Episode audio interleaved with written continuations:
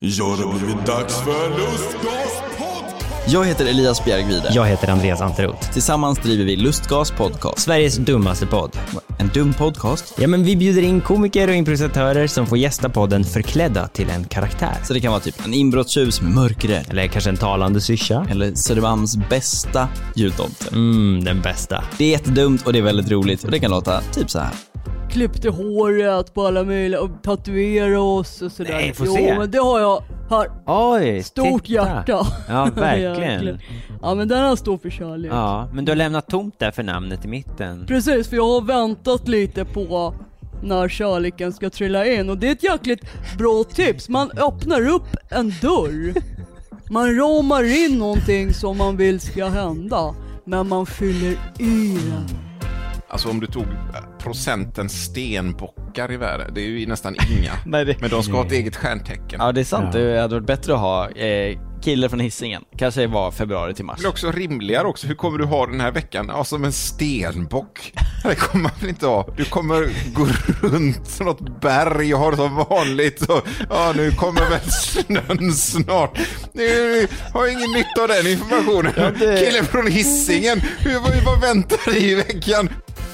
Då blir det då att i den här scenen då när han inte vill suga kuk Mm. så eh, kommer jag in då och säger han vill inte suga kuk och sen så ah!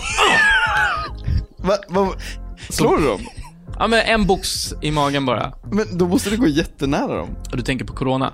Ja, jag tänker på corona. Men Just jag- eftersom det är vi pratar om. Exakt. Alltså, därför tänker jag på det. Men det har vi löst så att jag har en sån här dräkt på mig, en sån hazmat-dräkt eh, med boxningshandskar på. Bara för just den här så att jag kommer egentligen, jag går egentligen ut ett tag och sen så ko- plockar jag på mig den här. Men du, du ropar ju precis innan så ropar han väl inte så mycket. Ja, precis. Men Hörs och det? Nej, inte riktigt utan man hör egentligen bara och så bam! Vi kan döpa den till De kallar oss cancelled.